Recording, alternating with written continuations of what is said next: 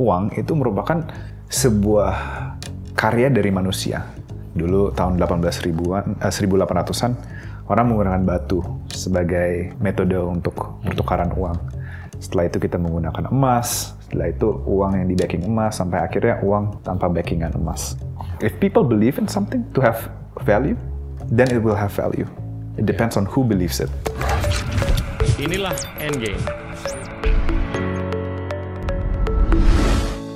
Halo teman-teman, hari ini kita kedatangan Jet Sutoyo, founder dari Pintu yang bergerak di dunia cryptocurrency.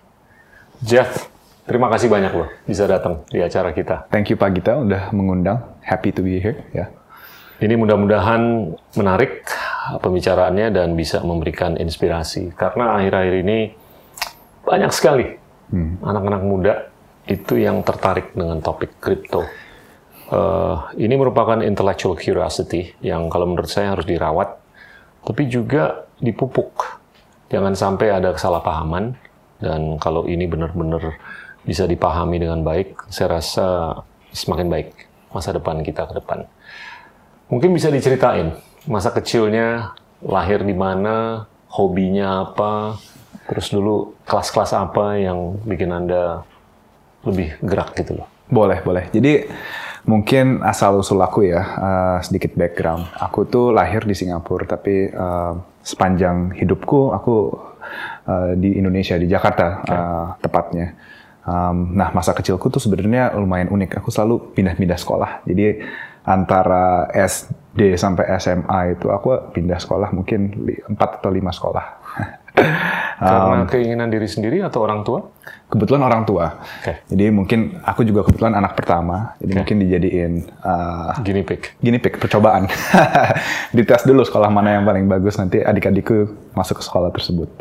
Uh, jadi gitu masa muda aku mungkin aku emang sudah terbiasa adaptasi pindah lingkungan jadi um, kita itu sesuatu yang memberikan dampak yang lumayan besar ya dalam hidupku jadi uh, aku rasa pas aku udah bertumbuh itu juga lebih mudah beradaptasi. Okay. Tapi kalau ngomongin pelajaran yang mungkin uh, memberikan aku dampak yang lebih besar itu matematika kali ya. Okay. Aku dulu dari dari um, umur yang sangat kecil cenderung lebih suka uh, matematika dan uh, uh, kebanding kayak ilmu sosial atau okay dia lebih lebih berat ke IPA-nya. Oke. Okay. iya, okay. gitu. Nah, lulus dari SMA, aku kebetulan lanjut sekolah S1-nya di Amerika, belajar teknik sipil. Di Bucknell? Iya, betul, okay. di Bucknell. Nah, balik dari sana, masuk ke manajemen consulting, konsultasi okay. manajemen. Uh, jadi aku pernah sempat kerja sebentar di BCG, nah terus lamanya di Roland Berger, another consulting company. Dan um, mungkin 2-3 tahun setelah sejak aku mulai bekerja, aku merasa ini mungkin waktunya yang uh, baik gitu untuk lanjut sekolah. Okay. Um, jadi aku lanjut sekolah lagi, balik ke US. Uh, kebetulan uh, diterima di uh, Harvard untuk MBA degree saya. Uh, dan di sana itu um, itu baru awal mulanya nih aku actually uh, kecemplung ke dunia blockchain. Hmm. Uh, itu awal tahun 2017 waktu itu aku menggunakan kripto ini untuk uh, beli jual kripto dan juga untuk pindah uang dari Indonesia ke Amerika. Lumayan menarik ya, karena uh, pindahin uang itu kalau lewat sistem perbankan kan memerlukan waktu yang sangat lama. Siapa dan apa yang mempengaruhi Anda untuk mau melakukan eksperimen atau percaya dengan konsep itu? Aku nih orangnya... Ada bacaan iya. artikel, buku, atau orang yang bisikin, atau apa gitu? Aku ingat banget sih, dulu itu uh, aku pernah baca artikel di majalah, uh, majalah Amerika namanya Wired. Okay. Nah, di majalah itu mereka berbicara tentang teknologi blockchain dan bagaimana itu membawa potensial untuk uh, melakukan transaksi uh, yang jauh lebih efisien dari segi waktu dan juga dari segi uh, harga atau cost-nya dari situ aku mencoba sih eksperimen. Ngirim uang untuk tuisi itu menggunakan uh, blockchain. Nah, dan dari sana 2017 aku 2017 okay. ya kebetulan itu juga lagi um, boom cycle-nya bull cycle-nya pas uh, crypto tahun 2017 ya. dari sana aku melihat uh, dampaknya dan aku ingin membuat membangun sebuah karir dari sana. Karena aku menjadi percaya bahwa ini merupakan sebuah um, sistem finansial alternatif Ya. yang bisa digunakan semua orang untuk melakukan transaksi dan Oke. dan sifatnya terbuka gitu. Jadi itu membuat aku sangat tertarik kepada Ya. industri ini. Hmm. Dan dari sana aku uh, mengambil kesempatan untuk bekerja Hmm. di Amerika di sebuah perusahaan bernama Consensus Siap. di mana di mana mereka meng- company. Iya, Ya.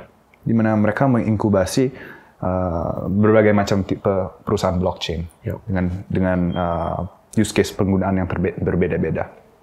Dan dari sana I think the rest is history. Oke. Ya. Ada nggak saat di mana Anda tuh bertanya atau bahkan skeptis mengenai konsep alternatif ini? Iya. Karena kalau saya aja di awal waktu itu nggak nggak mudah yakin dengan konsep ini. Tapi tentunya waktu itu yang mengobati ketidakyakinan saya. Betul. Sempet nggak ada episode atau titik atau saat yang mana Anda ini black box banget nih atau ini gimana gitu? Mungkin periode waktu itu ada sih antara tahun 2018, 19 sampai awal 2020. Itu merupakan yang apa yang dinamakan di dunia uh, kripto atau blockchain itu crypto winter. Oke.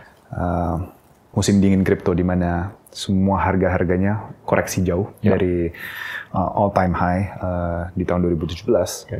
Dan menjadi sebuah waktu di mana um, orang-orang mempertanyakan uh, apa namanya potential blockchain apakah ini hanya sebuah tren jangka pendek atau beneran uh, trend and structural shift yang jangka panjang. Dan dari sana kita aku juga sempat bertanya-tanya tapi semakin kita mendalami teknologinya Ya. dan cara mereka membangun sistem ini semakin orang-orang biasanya semakin percaya bahwa ini mempunyai dampak uh, yang sangat besar. Dan um, karena sistemnya terbuka itu membawa sangat banyak inovasi Ya. dan itu sih sebenarnya yang membuat aku uh, tetap uh, berada di industri ini. Oke.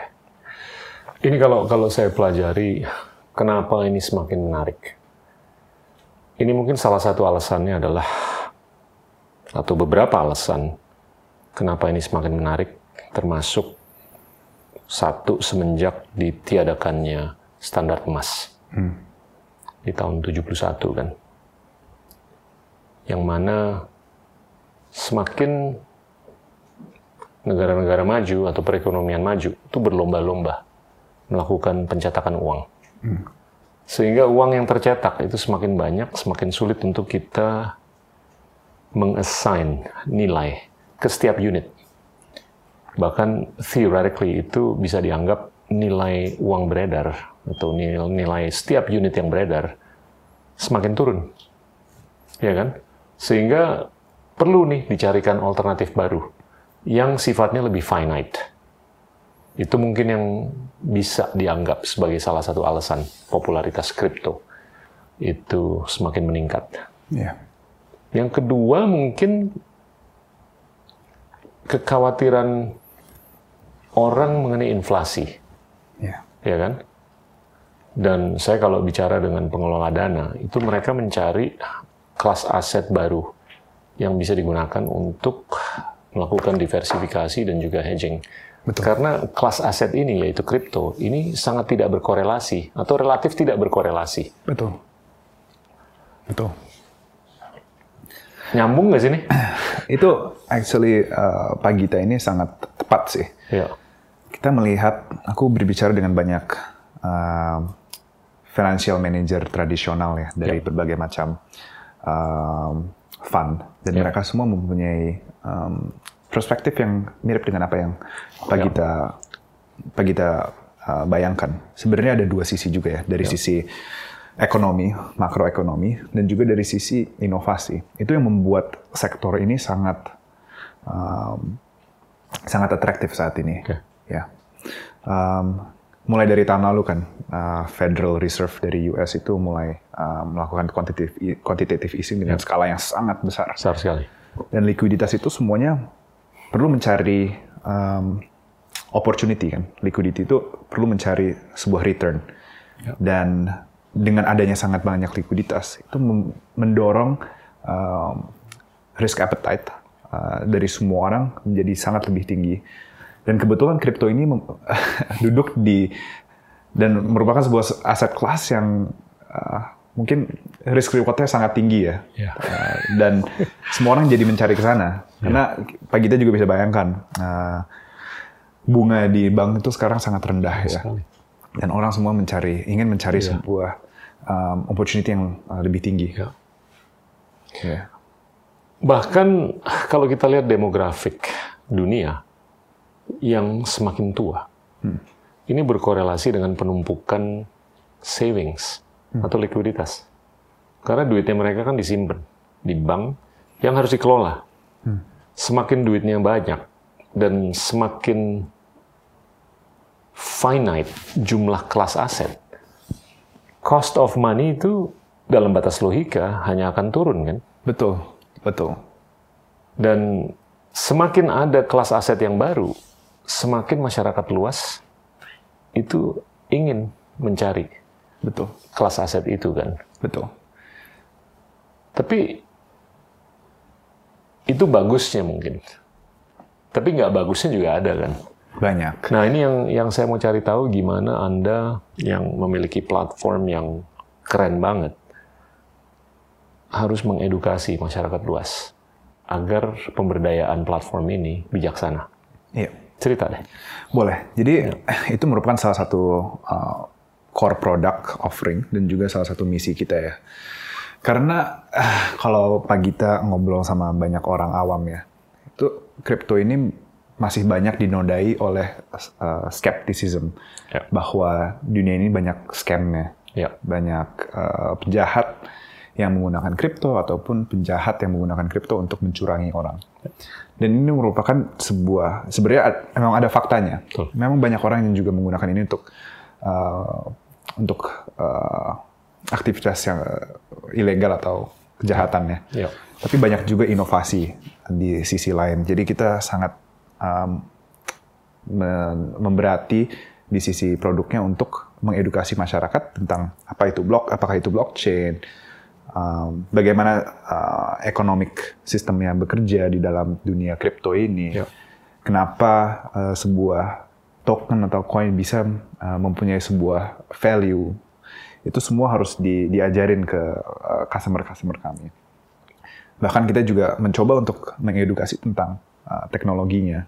Karena buat banyak orang ini sebuah industri yang lumayan eksotis karena susah dijangkau juga tekno teknologinya juga lumayan uh, dalam ya, yep. sampai kita bisa bicara tentang kriptografi, tentang networks.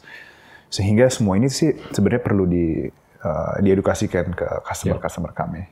Dan itu kita buat inside the app. Ini agak-agak makro dikit, tapi nanti kita akan balik ke yang lebih detail. Tapi kalau saya perhatiin dalam beberapa ribu tahun terakhir, ini kan inovasi teknologi ini kecepatannya semakin meningkat. Iya. Dan akselerasi kecepatan juga semakin meningkat. Dan Anda kan penggemar matematika dan sains lah.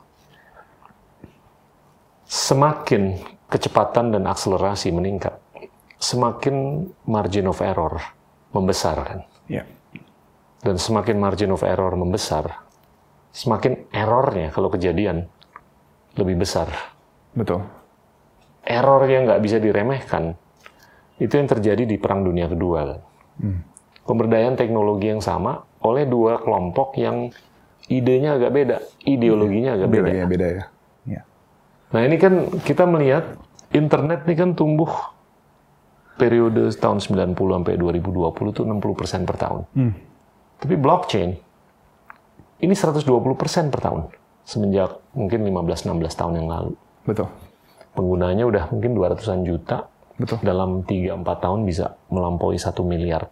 Betul. Are you concerned dengan margin of error? Sudah pasti ya. Kita okay. dengan growth dan perkembangan yang sangat besar menarik uh, uang dari luar investor yeah. atau uh, pengguna baru yang sangat banyak itu membuka celah buat uh, orang-orang uh, penjahat. Kita dari beberapa bulan terakhir mungkin udah udah ada beberapa ratus juta uh, dolar yang hilang mungkin ke hacker-hacker di di sistem-sistem platform-platform DeFi, decentralized finance, apps dan berbagai macam. Dan juga dengan uh, perkembangan yang sangat besar, mungkin banyak hal-hal yang tidak, di, tidak diantisipasi oleh okay. pengembang tersebut, termasuk platform kami. Kami ada beberapa kali juga uh, tidak mengantisipasi uh, perkembangan yang sangat besar dan pengguna yang sangat banyak, yeah. sehingga ada beberapa kali sistem kami sendiri juga mengalami uh, gangguan internal network kita, dan itu menjadi uh, sebuah pelajaran juga ya. ya.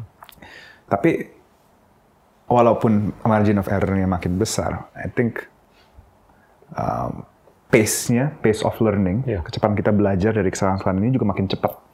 Mungkin dulu kita bisa uh, punya waktu gitu untuk belajar dan implementasi fix. Sekarang hal tersebut terjadi dalam waktu harian gitu, instead of mingguan, bulanan. Um, itu yang menjadi sesuatu yang juga menarik buat banyak orang yang masuk ke dunia kripto uh, dan blockchain. Apalagi dengan sifatnya blockchain di mana uh, sebuah blockchain itu selalu running 24 jam sehari kan, 24/7 nggak pernah berhenti. Sehingga uh, ini menambah kecepatan dari inovasi dan kecepatan dari development di dunia blockchain. Penasaran kalau di Indonesia tuh orang transaksi kebanyakan di siang hari, pagi hari, malam hari atau subuh yang sudah pasti siang hari ya Pak. Uh, dan sore dan malam biasanya. Oke. Okay. Sore Malamnya sampai jam berapa tuh? Kita peaknya itu jam berapa kira-kira? Peaknya mungkin sore sampai malam kali ya setelah jam kerja gitu. Okay. Itu, itu lumayan uh, besar. Okay, dan pagi. Lah. Artinya mereka masih kerja ya? Betul. dan pagi Pak, biasanya sebelum kerja. Okay. jam 7, 8, 9 itu lumayan okay. tinggi loadnya. Um, nah ini mungkin sesuatu juga yang berbeda di dunia equity atau yeah uh, pasar modal di mana ya. ada batas waktunya dari jam 9.30 sampai jam 4 atau jam 5 sore ya kalau tidak salah. Um, dan ini kita memaksa industri kita juga untuk mengikuti 24 jam seharinya itu dan itu itu untuk banyak orang bisa menjadi proses penyesuaian. ini kalau kalau ada orang awam dia lagi mempertimbangkan untuk mulailah ya. berinvestasi di kelas aset ini. What would be your typical tips hmm. yang harus dipertimbanggan? Jadi yang paling mudah ya, jangan ngikutin FOMO, okay. fear of missing out ya. Itu itu merupakan sebuah fenomena yang ter, eh, yang mau nggak mau terjadi. Jangan baca ya. Reddit terlalu banyak ya. Iya, mau nggak mau terjadi uh, dan banyak orang itu justru masuk di pucuknya, di atasnya sebuah harga kripto based on speculation. speculation. Aku aku lebih suka uh, mengadopsi uh, investasi dengan cara dollar cost averaging DCA di mana kita secara konsisten masuk sedikit demi sedikit apakah itu setiap minggu, setiap hari atau setiap bulan yeah. uh, dan dengan cara itu kita mendapatkan uh, average dari sebuah harga uh, cryptocurrency. Uh, menurut aku itu merupakan sebuah cara yang lebih responsibel ya. Dan hal kedua, mungkin kita juga harus melakukan lebih banyak research uh, terhadap riset terhadap uh, fundamental dari sebuah kripto. Uh, mungkin Pak Gita juga sempat dengar nih baru-baru ini ada uh, Squid Game Coin, di mana banyak Waduh, investor masuk dan kasihan. Iya. Kasihan. Hanya berapa detik aja lagi. Betul. Hmm. Squid Game Coin di mana uh, developernya ya kabur dengan uangnya kan. Dan hal-hal ini akan terjadi kalau kita tidak melakukan research yang ya. uh, yang lebih mantap lah. Ya. Tadi pagi saya tuh kasih webinar.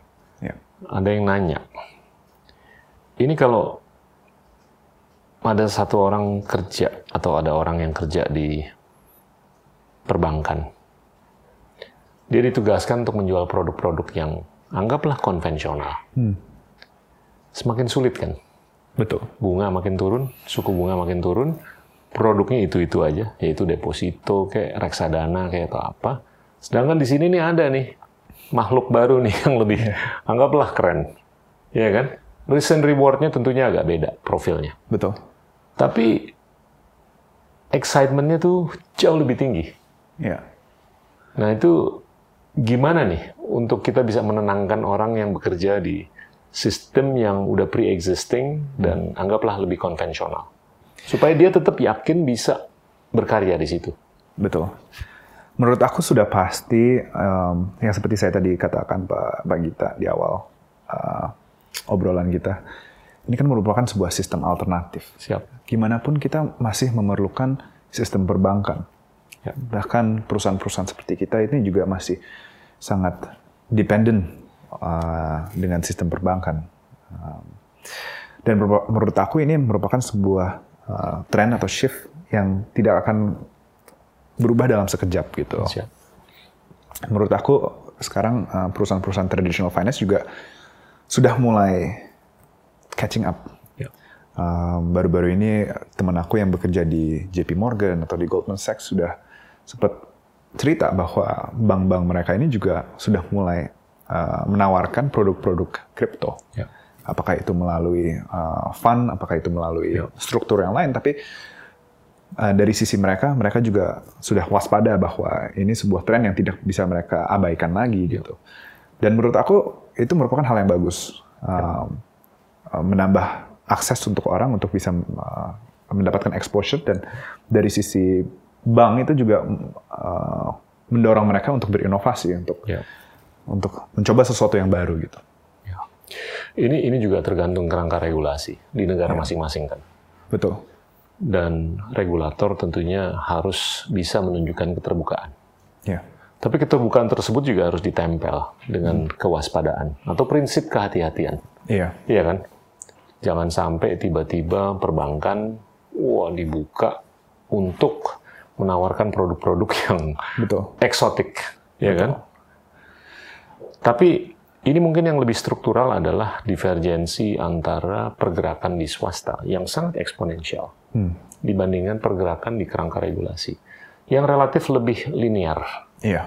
Betul. ya kan? Saya melihat ini kenyataan yang nggak bisa dipungkiri, tapi kenyataan yang bisa diobati Hmm. dengan sosialisasi dan edukasi, ya kan? Semakin orang kayak anda itu terus harus berperan untuk melakukan edukasi ke masyarakat luas, Ya. bukan hanya mengenai upside-nya, tapi mengenai downside-nya juga, ya kan? Dan gimana ini bisa mengequalize opportunities. Pandangannya Jet gimana? Aku setuju.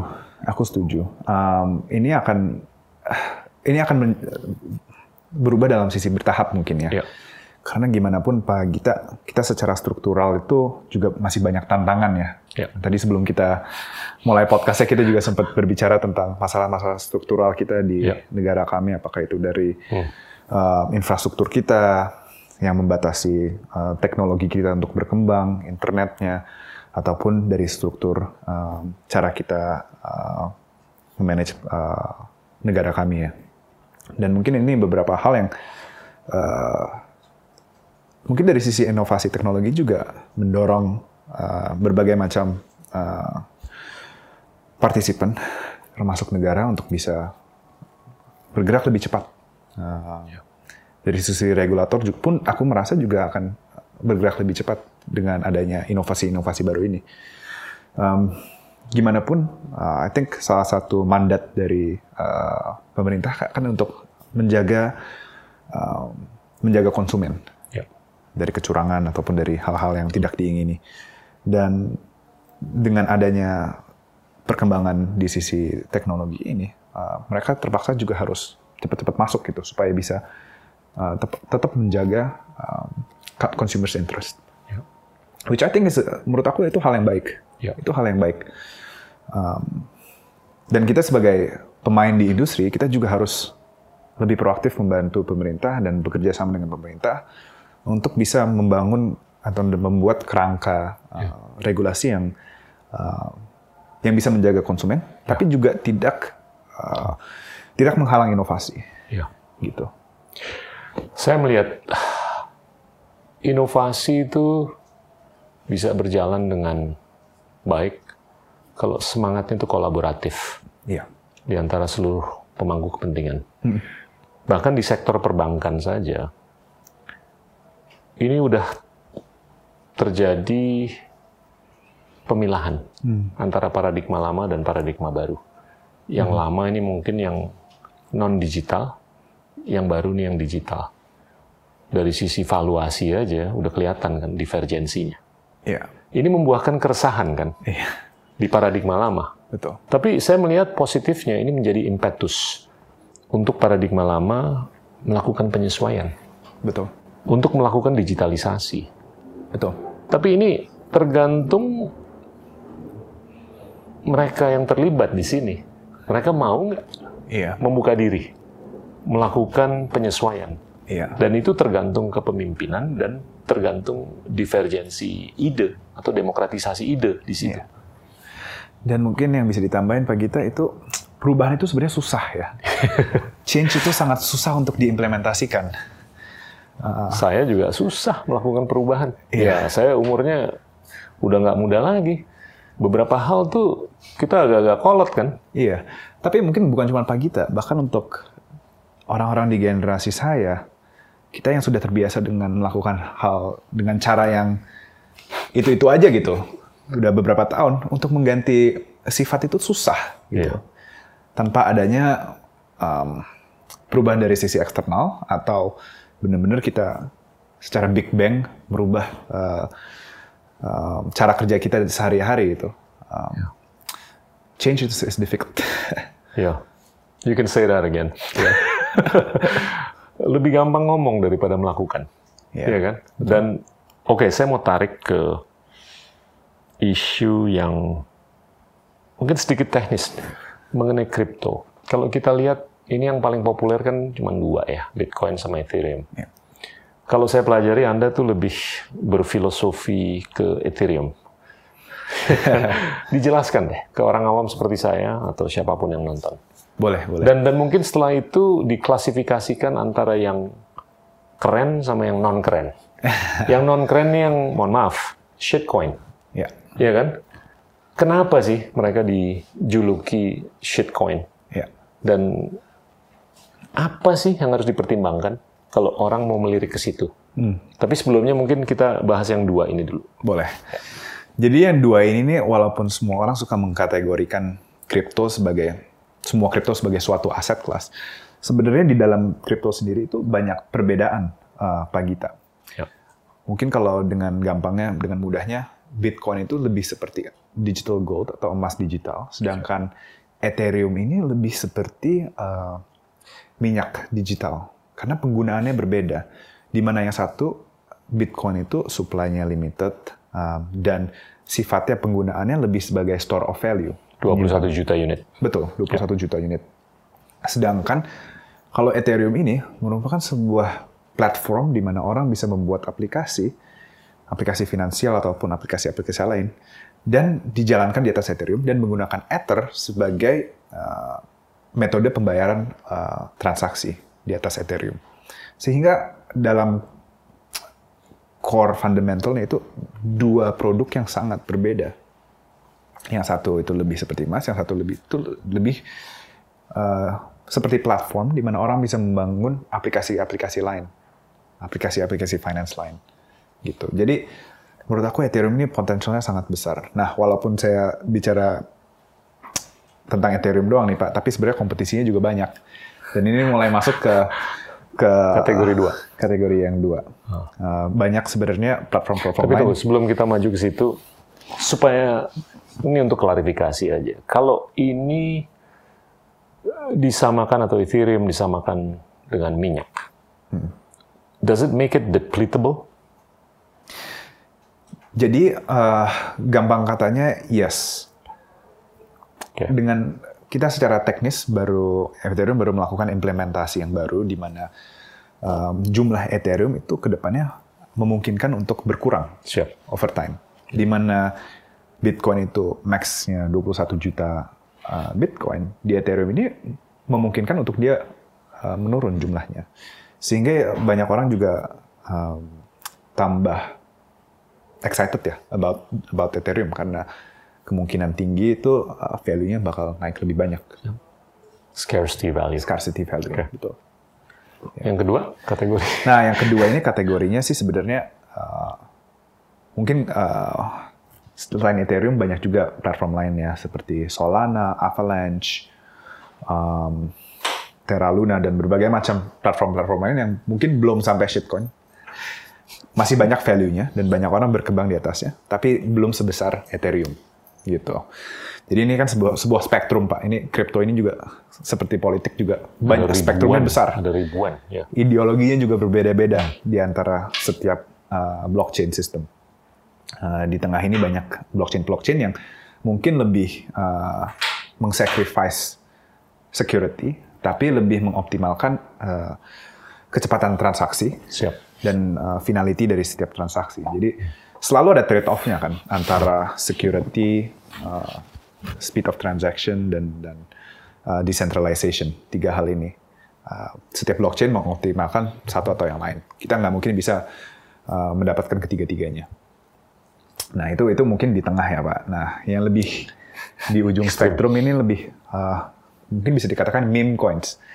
Uh, Koin-koin yang berdasarkan Lebih santun. seperti iya seperti Dogecoin, Shiba Inu Coin yang baru-baru ini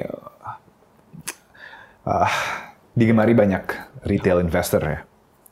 Uh, kita mungkin masuk ke ke masa di mana uh, sebuah meme coin atau sebuah meme stock itu bisa menjadi self fulfilling prophecy, ya kan?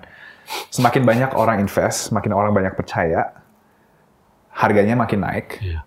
tambah jadi-jadi. Dan dan ini sebuah fenomena yang tidak kita hanya lihat di dunia kripto, tapi juga di du- dunia saham, di dunia Betul. stok seperti GameStop dan stok-stok yang lain. And dari sisi aku sendiri ya, you know, if fundamentally money, uang itu merupakan sebuah karya dari manusia, ya kan? Itu sebuah um, human invention di mana kita menggunakan uang uh, untuk menjadi standar dari pertukaran uh, Kepercayaan. kepercayaan. Nah, kalau sekarang ada sebuah produk lain yang banyak orang percaya sebagai mempunyai value dan bisa dipakai untuk pertukaran, itu mungkin sebuah hal yang susah di susah diberhentikan atau di stop juga ya. Ya. If people believe in something to have value, then it will have value. It depends on who believes it. Ya. It's just like money. Dulu tahun 18 ribuan, eh, 1800-an, orang menggunakan batu sebagai metode untuk pertukaran uang. Setelah itu kita menggunakan emas, setelah itu uang yang di backing emas, sampai akhirnya uang tanpa backingan emas. Kalau ada orang Ya. membuat satu kripto, terus apa pun yang dikeluarkan itu di back dengan emas. Would that complete the circle? Sebenarnya udah ada Pak Gita. Iya. Jadi udah ada beberapa project yang melakukan itu. Heeh. Uh, tapi uh, yang saya lihat ya daya tariknya kurang kurang ada. Jadi growth-nya kurang kurang banyak. Mungkin karena orang juga mikir kalau "Ah, udah ada emas digital yang lain, ngapain pula aku membeli emas digital di atas blockchain karena value proposition-nya sama gitu, uh, limited. Jadi uh, kurang ada product market fit di sana. Ya. Ya, akses, akses ke emas digital ini sekarang udah banyak kan. Di Indonesia pun ada penggadaian. Kita juga bisa beli di e-commerce, apakah itu Tokopedia, Bukalapak, dan, dan Iya. yang lain-lain. Jadi value proposition-nya kurang kuat Iya. untuk orang membeli emas yang uh, sebuah, sebuah token di blockchain yang di backing oleh emas. Ini ini dalam batas logika. Kalau kita coba nyari, ini keterbatasan kripto ini apa sih? Ya, Yang pertama kan mungkin kalau tiba-tiba pelonggaran kuantitatif di stop, pencetakan uang di stop, kekhawatiran orang mengenai jumlah uang beredar itu udah nggak nggak ada lagi. Iya, Sekarang kan dolar dicetak terus, euro dicetak terus, yen dicetak terus, bahkan renminbi juga dicetak terus. ya, Orang kan bingung kan, ngapain gue pegang itu, mendingan gue pegang alternatif. Tapi tiba-tiba besok, lusa atau kapan pun mereka ngambil sikap, oke, mulai dari sekarang kita nggak betul. akan cetak lagi. Ini merupakan batas batas pertumbuhan kripto, ya kan? Yang kedua mungkin inflasi. Ya, Inflasi ini semakin meningkat, semakin laku untuk kripto. Betul. Karena untuk kepentingan hedging, diversifikasi dan segalanya kan. Betul. Tapi kalau tiba-tiba kekhawatiran mengenai inflasi itu hilang atau mengurang, berkurang, itu kan batasan alamiah Betul. untuk pertumbuhan kripto kan. Iya. Nah saya melihat teknologi ini pedang yang bersayap dua nih. Iya kan?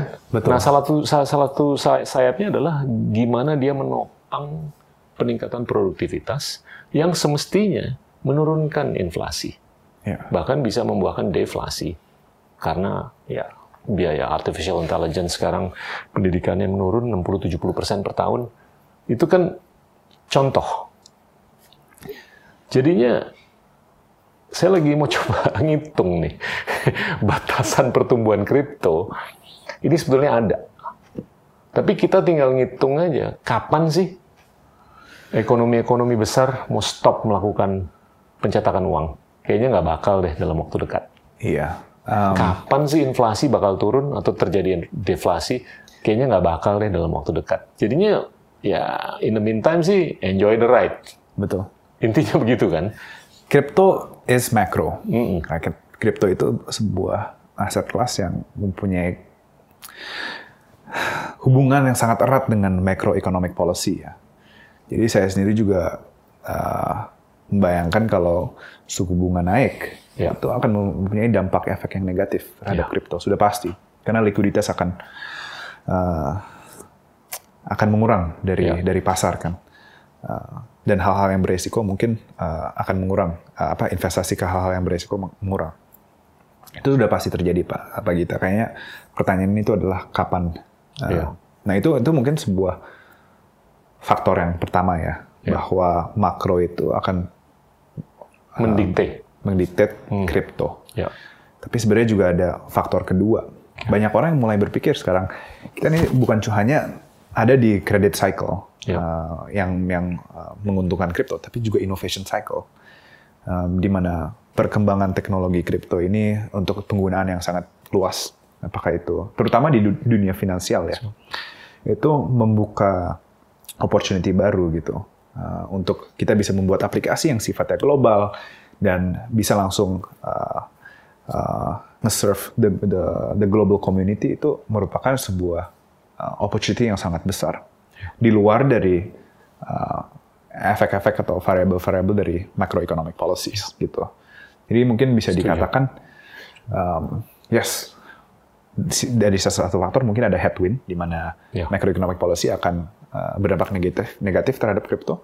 Di sisi lain juga ada inovasi yang mendorong Betul. penggunaan usage um, um, innovation as well as uh, the potential for for crypto and adoption real adopsi yang nyata yang benar-benar dipakai orang itu Betul. itu merupakan sebuah efek yang uh, sebuah hal yang nggak bisa kita uh, kesampingkan juga Iya.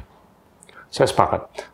Mungkin yang ketiga secara makro adalah kemungkinan dilakukannya standarisasi emas lagi terhadap uang beredar.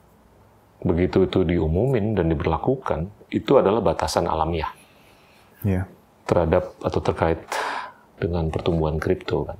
ya Tapi ya balik lagi ke yang tadi, kalkulasinya kapan nih bakal terjadi lagi. Ya. Selama itu nggak terjadi ya upside potential untuk kripto ini masih signifikan, ya. Ya kan? Dan saya juga sepakat dengan Anda bahwasanya ini menganulir risiko-risiko yang konvensional. Ya. Terkait risiko cross border, risiko kedaulatan, risiko apa pun lah makro political, ya kan? Ibarat kata kalau ada orang di tengah-tengah Afghanistan mau transaksi dengan orang di Jember, dia pakai kripto aja, dia nggak perlu khawatir mengenai fluktuasi dolar, iya. Ya kan? Itu it it it kills the typical risk yang harus diasosiasikan iya dengan transaksi antara dua kelompok yang jauh Ya. secara geografis, iya ya kan? Nah itu saya saya percaya. Nah saya mau saya mau tarik lagi nih ke kepentingan Indonesia. Ini kan bisa dianggap platform Anda dan platform yang lain yang ada di Indonesia. Ini berperan untuk meningkatkan inklusi keuangan. Ya kan? Berperan untuk meningkatkan akses bukan hanya ke modal, tapi modal yang skalanya besar. Iya kan? Ini yang sering kali dikritik. Ada beberapa yang punya ide yang brilian, kebetulan dia punya akses ke modal. Iya. Tapi ada beberapa yang lain yang punya ide yang sama briliannya. Bahkan bisa dibilang lebih brilian tapi nggak ada fulus. Nah itu kan disayangkan kan. Betul. Jadi di equalization of opportunities itu hampa atau langka. Nah, gimana kita bisa mengaktualisasikan nih Betul. untuk kepentingan inklusi keuangan dan akses ke modal yang keren. Iya. Gimana nih? Um, aku ngomong dari dua sisi ya. Dari sisi pertama, dari sisi industrinya, blockchain itu karena memang dari awal sifatnya global, um, perusahaan-perusahaan juga atau project-project juga lebih mudah untuk uh, mencari dana modal itu dari uh, global community ya. Karena dari awalnya itu Bitcoin itu kan nggak cuman ada satu ada satu tempat di mana mulai berkembang di suatu geografi, tapi itu global dari awal, sama seperti Ethereum, sama seperti blockchain-blockchain lain. Jadi uh, blockchain itu sifatnya selalu global dari hari pertama. Tapi mungkin aku di sisi lain ngobrol juga dari sisi sebuah perusahaan yang sifatnya lokal, karena pintu ini memang local Siap. company kita uh, mengikuti regulasi di Indonesia dan uh, kita hanya menawarkan produk-produk ke uh, pasar lokal, pasar Indonesia untuk untuk retail investor di Indonesia. Kompetisi itu merupakan sebuah hal yang berat ya untuk I think bukan hanya perusahaan aku tapi semua perusahaan di berbagai macam industri, terutama di Indonesia. Karena kompetisi itu bersifat global juga sekarang Siap. um, sangat mudah untuk perusahaan-perusahaan dari dari luar yang lebih besar, yang mungkin punya modal yang lebih besar untuk masuk ke ke pasar kami.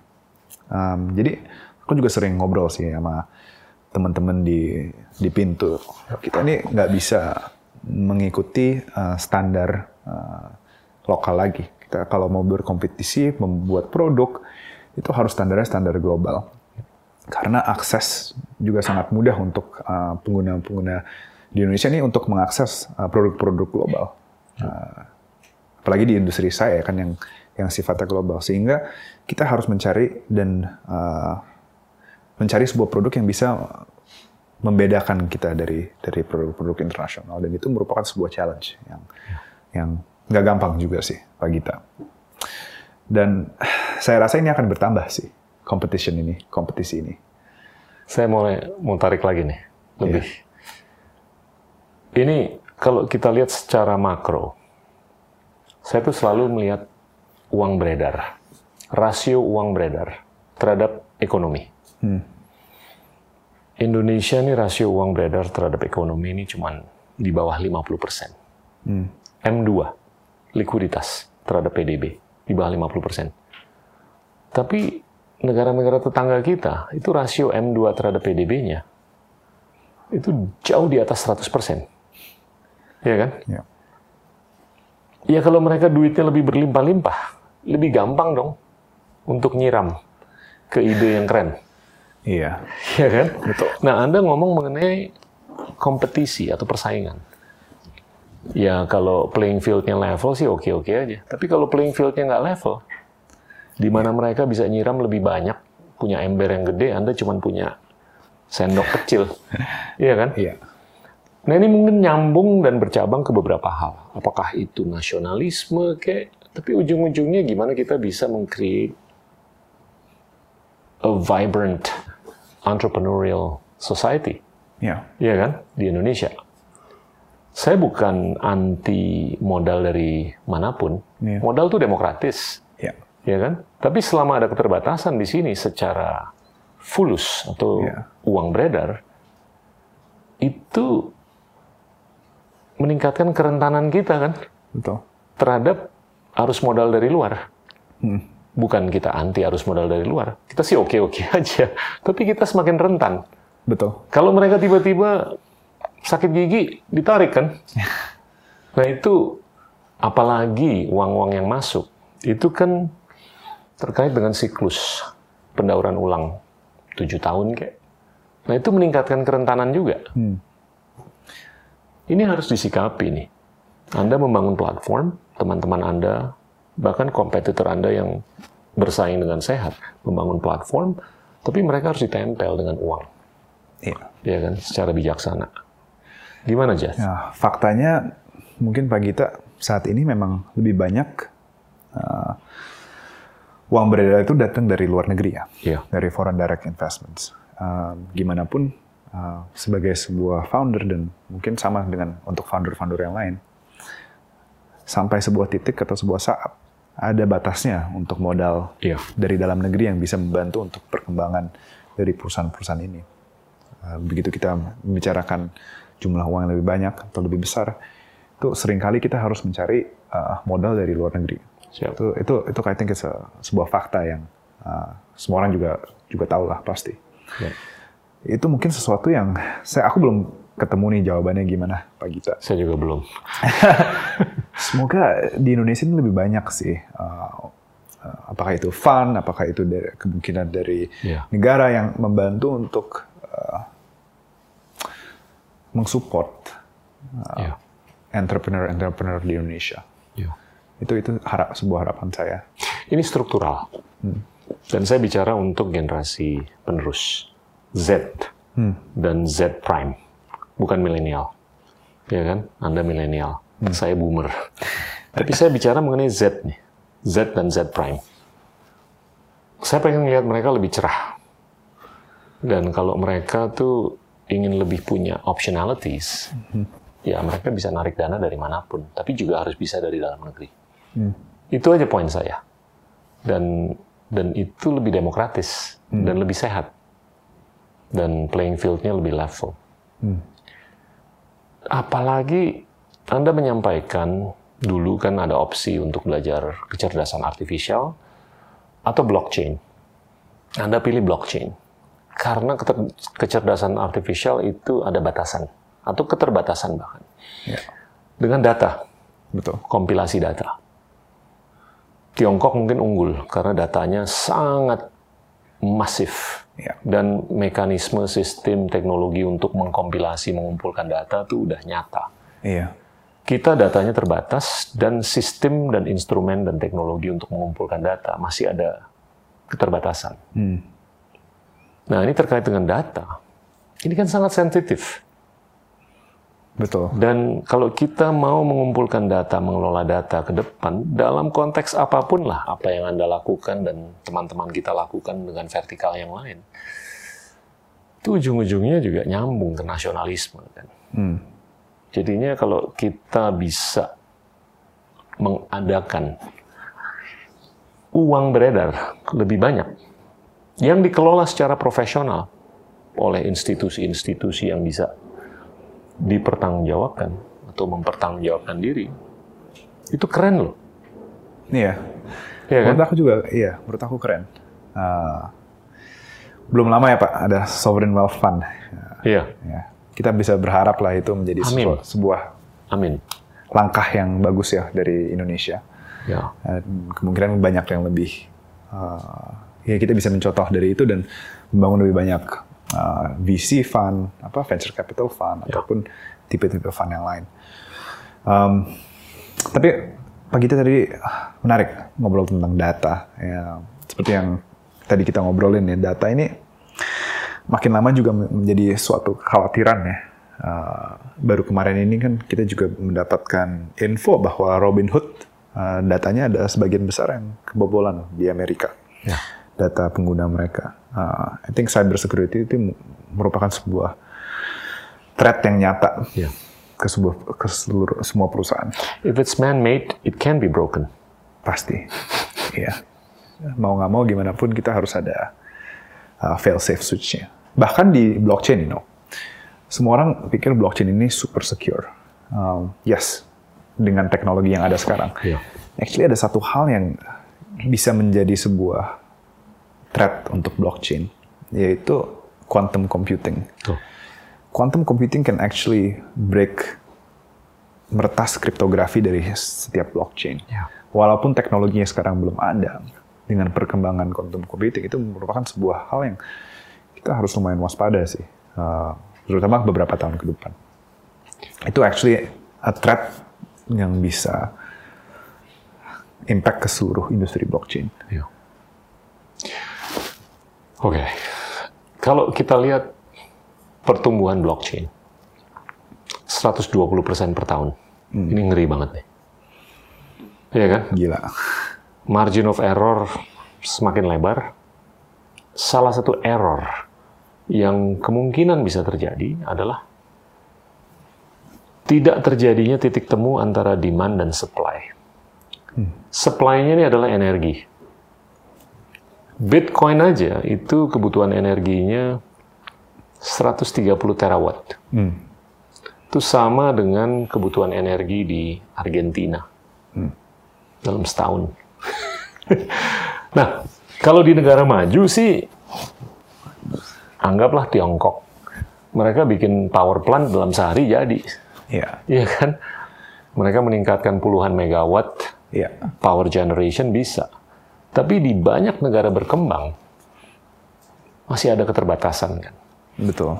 Kita on one hand ingin menggairahkan minat masyarakat luas untuk berpartisipasi dalam kelas aset yang baru. Tapi partisipasi tersebut membutuhkan energi. Tapi kalau pembuatan atau pembangkitan energinya itu ada keterbatasan, ya secara sistemik itu ada keterbatasan kan. Betul. Dan titik temu antara supply dan demand itu nggak klop tuh.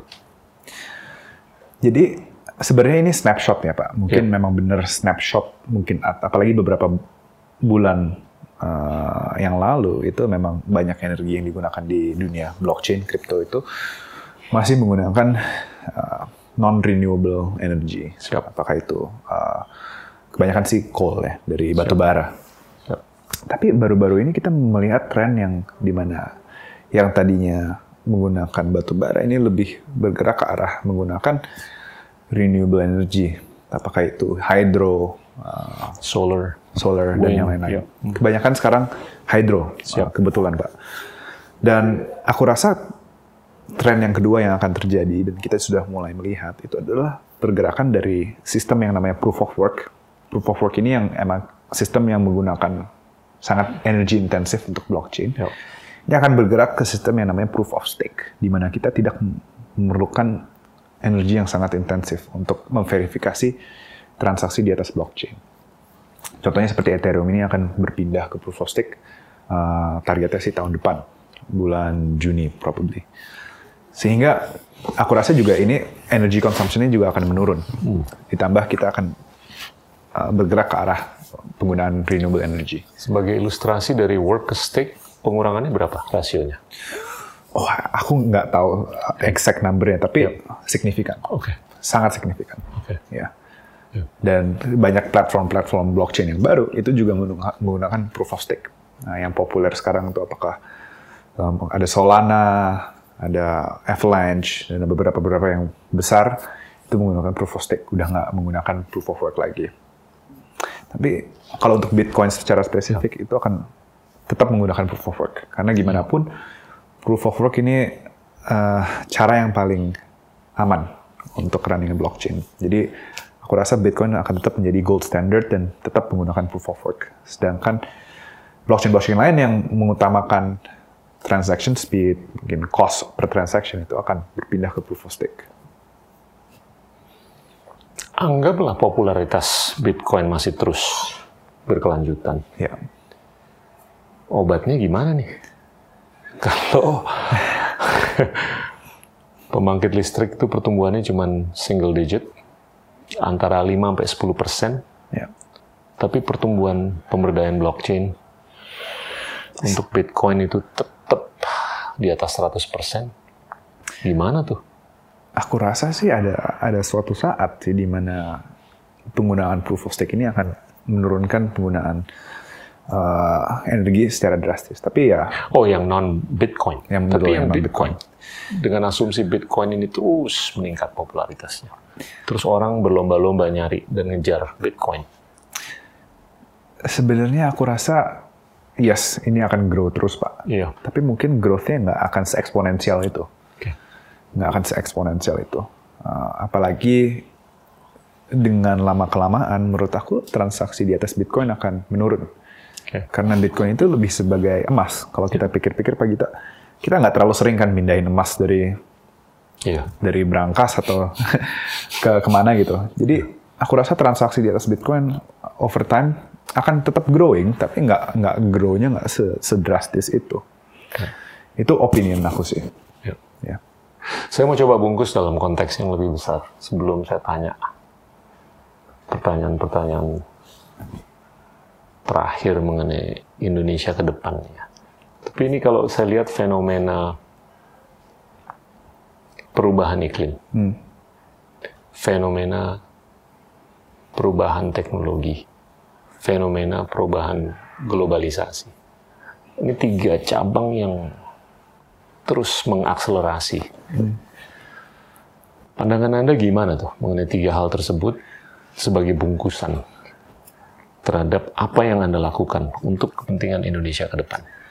Jadi yang pertama iklim Pak, yang kedua uh, globalisasi. Te- eh, iklim, teknologi, globalisasi. Oke. Kalau iklim, Mother Nature kan, Iya, emisi karbon. iya. Teknologi, Moore's Law. Ya kan? Yang sangat masih bisa dipertanggungjawabkan.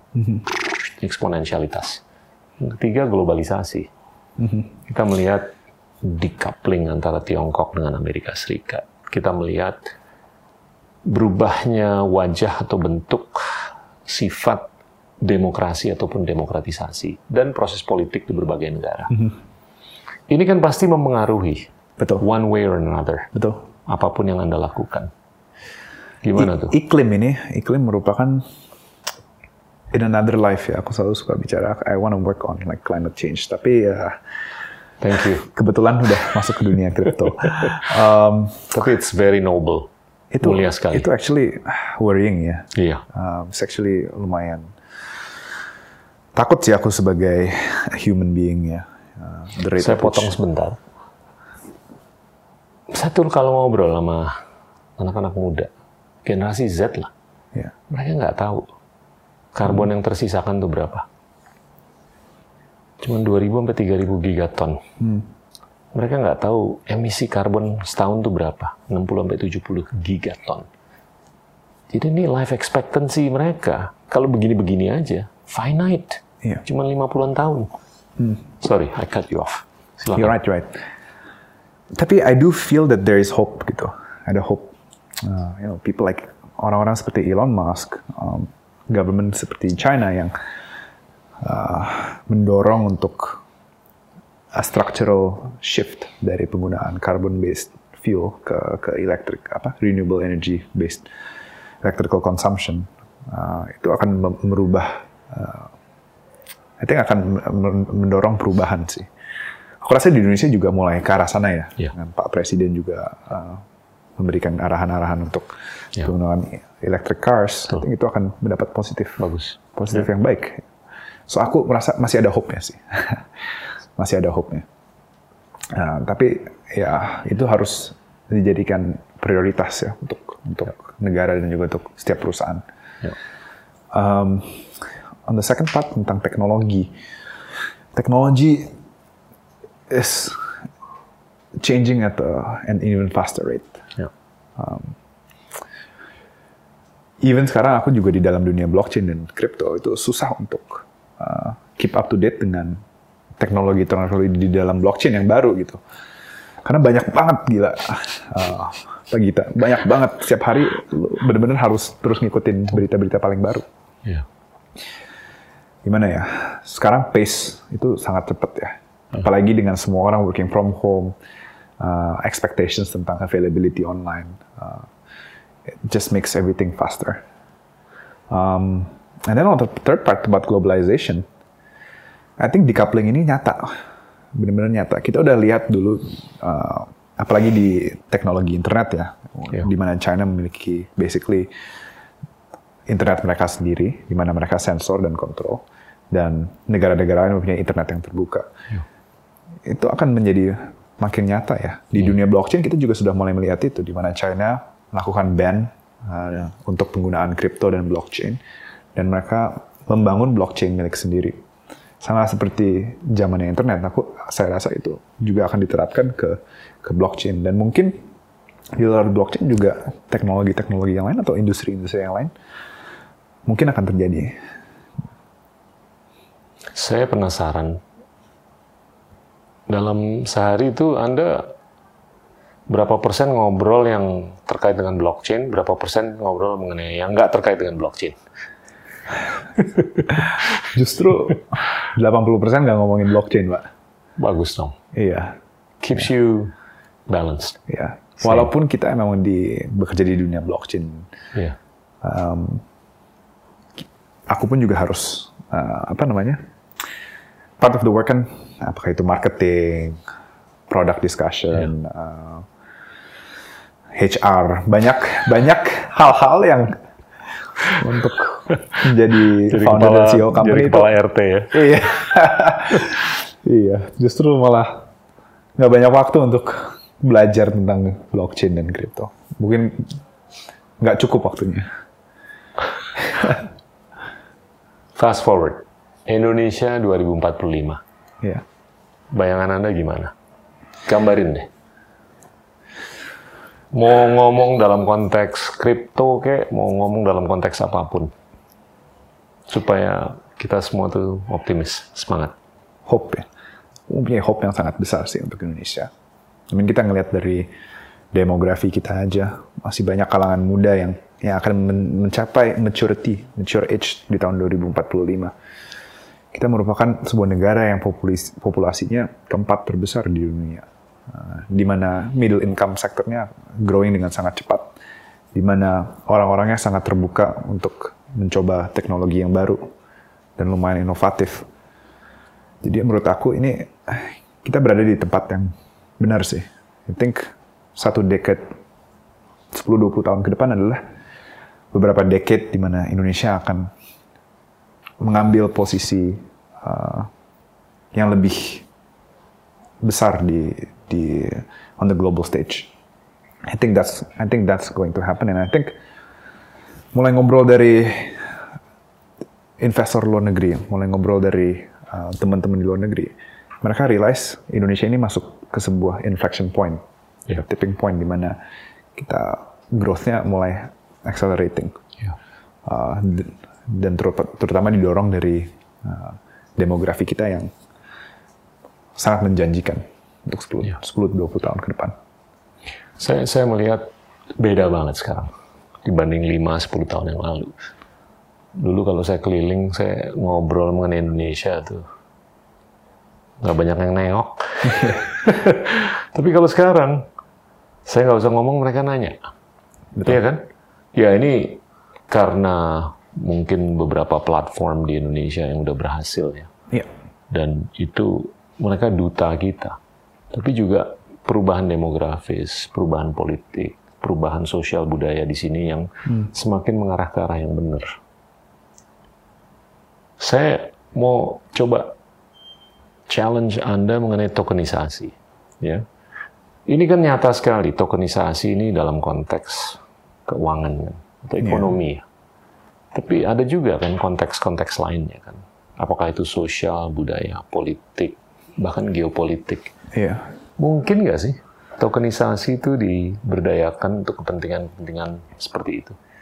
Kepentingan sosial sangat memungkinkan. Ya. Hmm, teknologi blockchain itu kan pada umumnya adalah hanyalah sebuah database atau ledger yang immutable, artinya tidak bisa diubah dan terbuka. Sebenarnya banyak uh, instansi-instansi dari negara pun bisa menggunakan blockchain untuk untuk uh, kepentingan yang uh, bisa menambah apa dampak positif. Ya. Contohnya seperti uh, aku lupa di di Georgia atau di Eropa gitu ada sebuah public election yang menggunakan blockchain untuk uh, untuk merekod voting. Solid. Iya. Um, ada juga pilot project di Transparan, Iya, jelas semuanya. Iya kan? Real time dan betul. iya, ledgernya sangat beda. Iya, Iya kan? betul. Ada juga um, aku lupa di mana juga nih, tapi mereka menggunakan blockchain untuk merekod uh, data apa sih namanya? Uh, kepemilikan tanah. Iya. Yang yang tadi banyak masalah, tumpang tindih lah, uh, data yang tidak akurat, mereka menggunakan blockchain untuk merekod data tersebut. Tapi memang perlu kita ini ya, uh, kita waspadai kalau Hmm. bertahap, terutama untuk hal-hal yang uh, sifatnya physical, fisik. Hmm. Itu sangat susah sih sebenarnya untuk kita rekod di atas blockchain karena sangat rentan untuk dimanipulasi. Iya. Kita juga uh, perlu uh, source of truth. Apakah itu orang atau apa- apakah itu mesin yang yang bisa memverifikasi bahwa data yang kita taruh di blockchain itu data beneran dan matching dengan data fisikalnya, barang fisikalnya. Ya. Jadi menurut aku emang itu akan datang tapi mungkin makan waktu. Jadi kalau dari sisi uh, penggunaan blockchain use case itu, memang yang paling cepat itu bakal finansial, Pak. Ya. Dan mungkin yang kedua, ini tadi kita sempat ngobrol, Pak. NFT, digital art. Itu Iya. juga satu tren yang lumayan menarik dan menurut aku Iya. juga akan berkembang. Betul. Iya. Karena kalau yang mungkin dulunya generasi ayah saya uh, atau atau mungkin saya beberapa tahun yang lalu menempatkan value di sebuah lukisan. Um, kenapa nggak saya sekarang bisa memberikan value ke sebuah uh, karya seni yang sifatnya digital? Betul. Balik-balik ke persepsi mungkin. Dan anak-anak muda zaman sekarang tuh udah terbiasa pak. Mereka main game Iya. membeli in-game items. Iya. Itu kan sebenarnya juga suatu suatu uh, bentuk dari NFT. Iya. Ya. Dan aku rasa kalau mereka sudah bisa udah terbiasa dengan konsep itu, lompat ke konsep NFT as an art itu nggak jauh. Iya. Ya. Nis- ini keniscayaan bahwa aplikasi konsep ini akan menular Ya. ke vertikal-vertikal lainnya. Dan kalau saya perhatiin, ini kan konsep yang desentralistis, Ya. ya kan? Yang agak-agak tabrakan Ya. dengan sentralisasi yang masih ada di beberapa negara Ya. atau hal-hal yang sifatnya sentralistis di beberapa negara. Bahkan bisa dibilang pasar modal itu sentralistis, bank sentral itu sentralistis, ya kan? Dan sistem politik di beberapa negara sentralistis.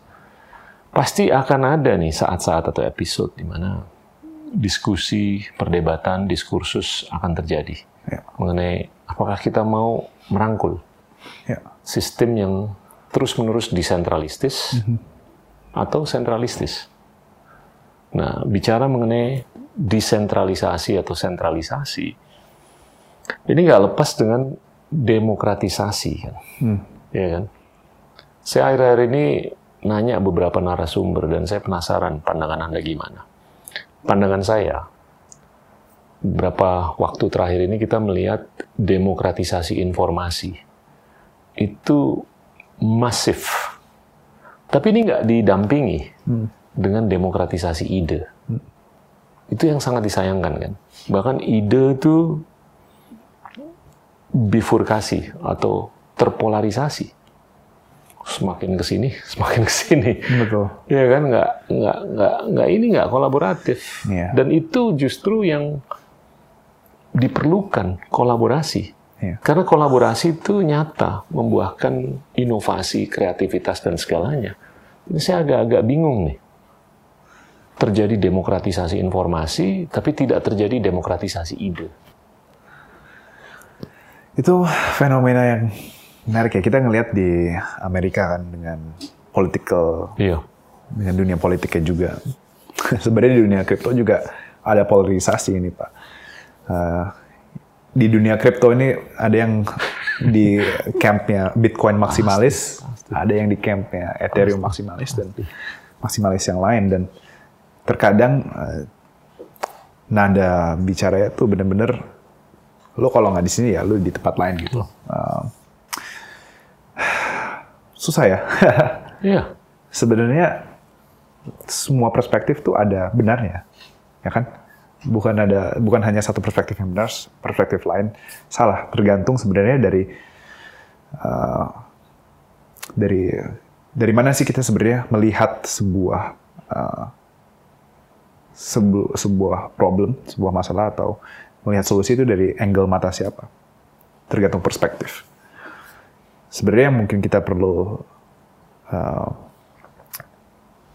lebih kedepankan tuh toleransi, Tuh. ya kan? Betul sekali. toleransi toleransi terhadap perbedaan Iya. ideologi terhadap perbedaan uh, uh, idea itu yang sebenarnya yang mungkin kita sudah mulai lupa ya.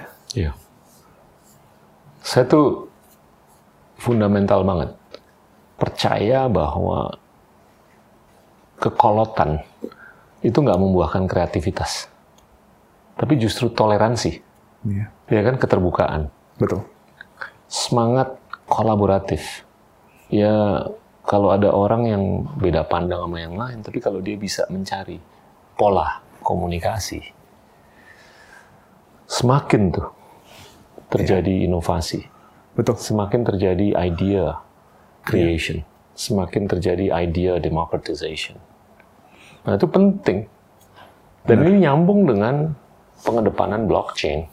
Ini merupakan ide yang baru, Iya, tapi ini harus diedukasi kan. Dan kita mau nggak mau ya kalau nggak setuju tapi minimum mengerti, ya kan? Jangan pokoknya pokoknya, betul. ya kan? Dan selama kita memahami, apalagi merangkul, bahwasanya ini mulia sekali untuk kepentingan peningkatan inklusi keuangan, Iya, mulia sekali untuk entrepreneurship ke depan. Ini pertanyaan terakhir nih, Jeff. Anak-anak muda sekarang nih kalau main saham banyak banget yang excited kan, Iya. kalau lagi untung. Anak-anak muda sekarang kalau main kripto juga excited banget kan, betul, kalau lagi untung, betul. ya kan? Dan so far sih kayaknya net untung. Iya. Ada beberapa korban lah. Apakah itu Squid Games atau GameStop di ujung-ujungnya. Tapi net-net kayaknya untung atau diuntungkan. Saya tuh ada kekhawatiran. Kalau mereka terbiasa berpikir bahwa mereka bisa hidup enak hanya dengan dua jempol aja. Nanti siapa nih yang bikin baju, bikin sepatu, bercocok tanam, nanam padi dan segalanya. Karena ujung-ujungnya kita harus makan kan, kita harus beli baju, kita harus pakai baju, sepatu, celana dan lain-lain. Who's gonna do the work? Menurut saya memang sekarang ini zamannya likuiditas lagi banyak pak ya. Iya. Jadi memang sangat mudah untuk untuk untung di dunia pasar saham ataupun di dunia kripto. Tapi fenomena ini menurut saya nggak akan selalu berlangsung. Pasti Iya. ada suatu saat di mana ada koreksi dan di saat itu uh, permainan investasi jadi lebih susah. Uh, dan mungkin itu suatu hal yang perlu diingat oleh teman-teman yang nonton mungkin ya Ya. bahwa real work mendapatkan income yang uh, selain dari investasi itu juga masih sangat penting. Ya kan karena kita tidak bisa selalu memegang bahwa saham kita atau kripto kita akan selalu naik terus. Uh, dan menurut aku di sisi lain juga pasti ada eh, koreksi equilibrium ya. Mungkin mungkin sekarang uh, memang dunia fintech digital itu sangat uh, menarik buat kalangan anak-anak muda. Tapi menurut aku juga masih banyak sih anak-anak muda yang mulai lebih uh, tertarik kepada agritech. Uh, banyak ya sekarang startup-startup juga yang di agritech, Pak. Siap. Uh, so I think there will also be ke depan more and more people who are interested in uh, the other sectors, mungkin yang non digital. Saya percaya itu. Iya, Kadang-kadang nyetrum aja di kepala saya. Kekhawatiran jangan sampai generasi penerus tuh jadi generasi yang males. iya, ya kan? Mereka berpikir, ah daripada gue kerja, mendingan gue cari untungnya dari main kripto. iya, Atau gue main saham aja. iya, Itu mungkin ada kelompok yang begitu. Tapi saya percaya prospek di jenis usaha yang bermacam-macam itu luar biasa. betul. Dan itu bisa diberdayakan. Dan bisa memberdayakan. Banyak. Banyak sekali Betul, warga. itu. Ada pesan akhir, Jeff? Um, pesan akhir, invest responsibly dan Siap. probably al- also diversification is sangat penting ya diversifikasi. Jangan jangan FOMO, jangan taruh semua di dalam kripto kalau pengen investasi dan always do your research. Siap. I do think menurut aku memang blockchain itu sebuah industri yang sangat menarik dan uh, prospeknya sangat besar. Uh, jangan cuma melakukan investasi tapi actually coba membangun sesuatu di atas blockchain. Itu mungkin sesuatu yang masih kurang di Indonesia, saya rasa. Kebanyakan project-project uh, keluar dari negara-negara lain, tapi dari Indonesia masih kurang kurang banyak. Thank you. Thank you. Fascinating. Thank you Ya. Pak Gita. Teman-teman, itulah Jet Sutoyo, founder dari Pintu. Terima kasih. Inilah Endgame.